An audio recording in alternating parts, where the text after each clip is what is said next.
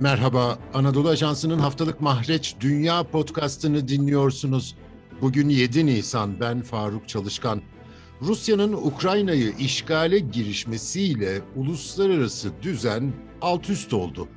Siyasi dengeler alt üst oldu. Bunun yanı sıra küresel reel ekonomi ve özellikle enerji tedariki konusunda her şey yeniden ele alınıyor. Yıllarca yapılan uyarılara aldırmadan Rusya'ya doğalgaz bağımlısı olmaktan kaçınmayan Almanya bile artık durumunu gözden geçiriyor. Anadolu Ajansı Berlin temsilcisi Cüneyt Karadağ var karşımda. Cüneyt katıldığın için teşekkür ederim. Milyarlarca dolar harcayıp Kuzey Akım 2'yi yaptılar. Rusya'dan yeni bir gaz hattı kurdular. Şimdi de bunu askıya almak zorunda kaldılar. Rusya'ya bağımlılık konusunda Almanya'da kimler suçlanıyor? Evet, öncelikle Rusya'nın Ukrayna'ya açtığı savaş gerçekten Almanya'daki bütün dengeleri Allah kullak etti. Geçmiş hükümetler suçlanarak şu anda tartışmalar devam ediyor. Özellikle Alman Cumhurbaşkanı Frank-Walter Steinmeier'in Dışişleri Bakanı olduğu dönemde e, Rusya'ya olan e, yakın ilişkileri ve köprü kurma ve o köprüyü devam ettirme, Putin'e olan Rusya Devlet Başkanı Putin ile olan ilişkileri böyle daha naif şekilde sürdürmelerini bugün hata olarak kabul etti. Önceki gün Steinmeier evet bizim bu Nord Stream 2 yani Kuzey Akım 2 projesini Rusya'ya bu kadar güvenmemiz, Putin'e bu kadar güvenmemiz hataydı. Bunu yapmamalıydık ifadelerini kullandı. Şimdi de dün özellikle Başbakan Scholz'un mecliste yaptığı konuşmada kendileri de daha önceki hükümette koalisyon orta olmalarına rağmen daha önceki hükümetlerin Rusya tutumunu eleştirdi. Şimdi Almanya o kadar zor sınav veriyor ki Avrupa Birliği'nin lokomotif ülkesi olarak bir kere enerjide Rusya'ya çok bağımlı ve bugün şunu fark ettiler. Biz ne kadar saflık yaptık da tamamen enerji konusunda Rusya'ya bağımlı hale geldik. Neden bu enerjiyi çeşitlendirmedik? İşte bu sorunun cevabı aslında Alman politikasının, geçmiş dönemdeki politikacıların veya hükümetlerin e, Rusya'ya ve Rusya Devlet Başkanı Putin'in iyi davranacağını, hiçbir zaman kötü bir şey yapmayacağına inanmaları oldu.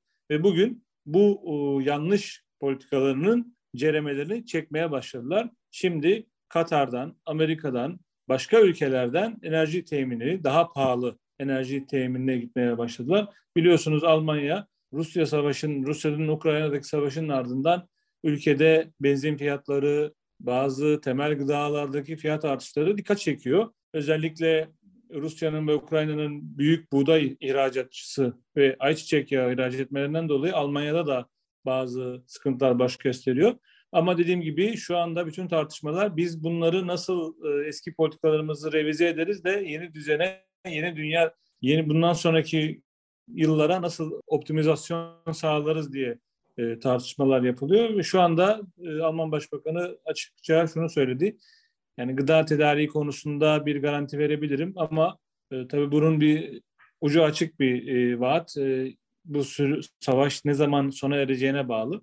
Ama dediğim gibi şu anda Alman Cumhurbaşkanı'nın kendi hatasını kabul etmesinin ardından ancak e, Angela Merkel biliyorsunuz Almanya Başbakanı Angela Merkel emekli olmuştu. Angela Merkel e, Alman haber ajansının talebiyle bir cümlelik bir açıklamada bulunmuştu. Ofis tarafından bir açıklama yapıldı. O da şuydu. Hayır e, çıkarlarımız gereği neyse onu yaptık. Ben bir hata olarak görmüyorum. Yani mealen söylüyorum bunu tam e, kelime olarak değil ama yani Merkel kendi politikasını yine savundu. Ancak e, bunun yanında da şöyle bir durum var. Merkel şu anda Floransa'da tatilde ve e, Ukrayna'nın Berlin Büyükelçisi çok ciddi manada eleştirdi Merkel'i. Yani şunu söyledi hatta. Yani Floransa'da gezer geziyorsunuz ama aslında Ukrayna'daki Buça kentindeki o sivillerin öldüğü, katledildiği yerde gezmenizi önerirdim gibi bir e, ifade kullandı Büyükelçi. Bu nedenle şu anda e, Almanya'da da dediğim gibi CDU yani Hristiyan Demokrat Partisi kendi politikalarını savunurken geçmişte ancak SPD ve Yeşiller geçmiş hükümeti suçlayarak buradan kendilerine bir çıkış yolu arıyorlar. Şimdi Almanya'nın bu kadar tepki çekmesi uluslararası arenada galiba Rusya'ya uygulanan yaptırımların Almanya'nın doğalgaz ve petrol ihtiyacı yüzünden yeterince efektif olmaması değil mi? Ne oldu Rusya'dan doğalgaz almaya devam ediyor galiba değil mi? Tabii ki şimdi Kuzey Yakın bir projesi yani Kuzey Yakın 2'yi askıya aldı ama Kuzey Yakın birden hali hazırda devam ediyor e, enerji almaya. Çünkü Almanya bu enerjiyi sadece hane halkı ya da başka işler için değil esas almasının bir yönden sebebi sanayisi için. Yani eğer bu gazı tamamen bir anda kesecek olursa bugünden yarına Alman sanayisi büyük sektör hatta durma noktasına gelebilir diyebiliriz. Çünkü biliyorsunuz Almanya dünyada ihracat şampiyonu bir ülke. İhracatla yaşayan ve ihracatla refah seviyesini yükselten bir ülke. Yani üretiyor ve bunları yurt dışına satarak e, daha ziyade gelirini sağlıyor Alman devleti. Şimdi bir anda siz e, gazı keserseniz bu sefer üretim duracak. Üretim durduğu zaman ihracat olmayacak. Dolayısıyla gelir azalınca ne olacak? E, ülkede bir ekonomik krize doğru gidişat olacak. Zaten şu anda Almanya'da hiç olmadığı kadar enflasyon artmış durumda. Yüzde 7.3. Şimdi bunun gelecek aylarda çifte haneli rakamları bulması bekleniyor.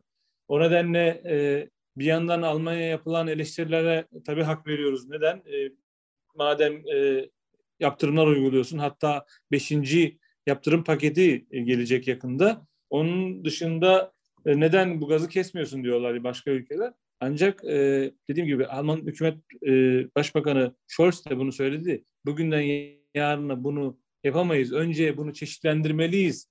Diğer kaynaklardan enerji almalıyız. Hatta yenilebilir enerjiyi biliyorsunuz Almanya yenilenebilir enerjiye son 10 yılda çok büyük yatırım yapıyor. 2035'e kadar 2035 yılında tamamen yenilenebilir enerjiden e, ülkesinin enerjisini sağlamak istiyor.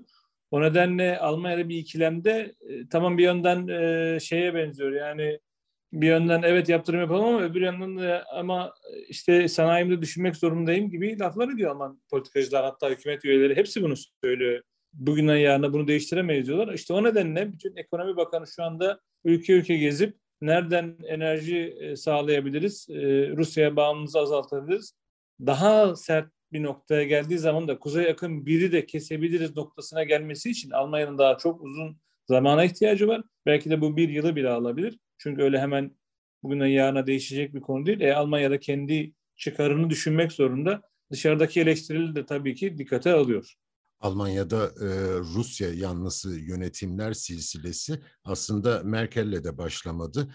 Ta Almanya'yı birleştiren Başbakan Helmut Kohl'ün Rusya'da Yeltsin yönetimiyle yakınlığı. Ondan sonra Schröder'in, Başbakan Schröder'in çok daha dikkat çekici bir e, Rusya yakınlığı ve Schröder'in hala bu pozisyonunu devam etmesi ve en son silsilenin en son halkasında da Merkel ve Merkel'ın başbakan yardımcısı Scholz da şu anda başbakan ve bütün bu bilanço ona çıktı galiba.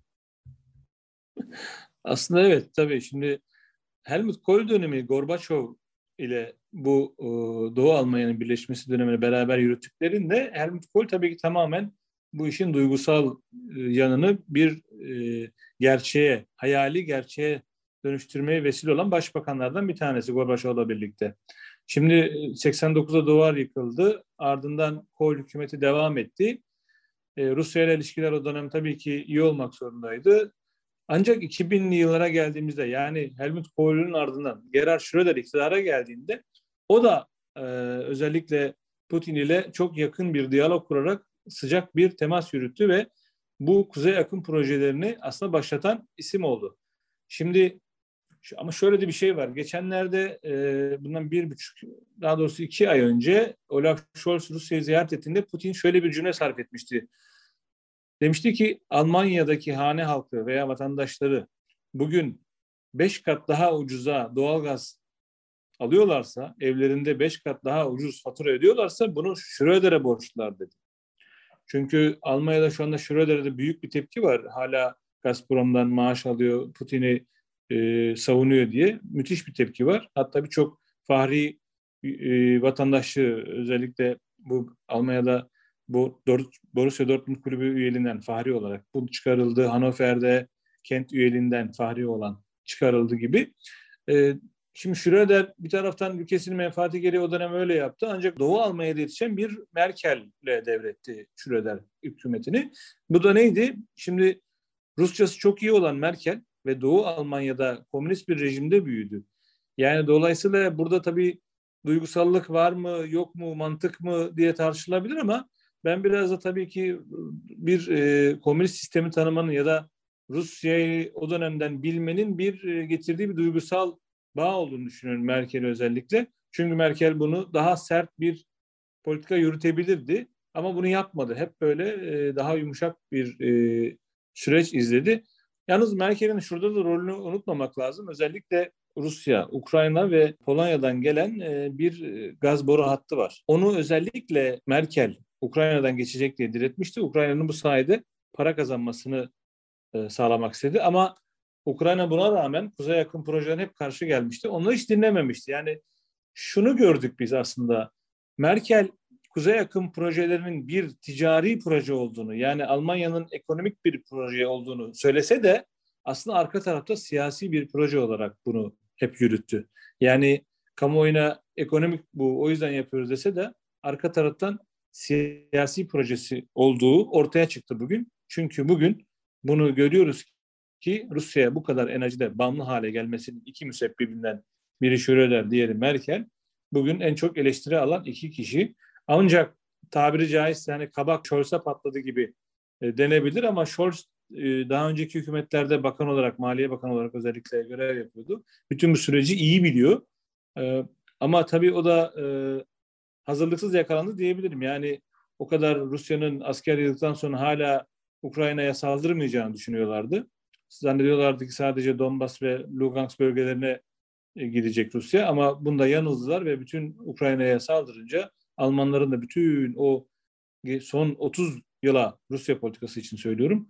Bütün her şey allak bullak oldu ve şu anda Avrupa'nın kalbinde bir savaşı e, Almanya kesinlikle kabul edemiyor ve kabullenmekten ziyade bunun kendileri içinde bir e, yavaş yavaş tehdit olmaya doğru gittiğini görüyorlar. Çünkü hem ekonomik olarak hem siyasi olarak hem de dünyanın yeni düzenine doğru giden bir dünyada Almanya'nın rolünü tartışıyorlar. Biliyorsunuz bu nedenden dolayı da Almanya hiç olmayacak bir şekilde özellikle Scholz hükümeti, sosyal demokratlar ve yeşillerden oluşan özellikle onu yani hür demokratlar da var ama 100 milyar euroluk bir silah alımı yapması aslında e, bir kere kafalardaki e, tabuları yıkıyor. Yani siz muhalefetteyken Almanya'da bilinen bir şeydir bu.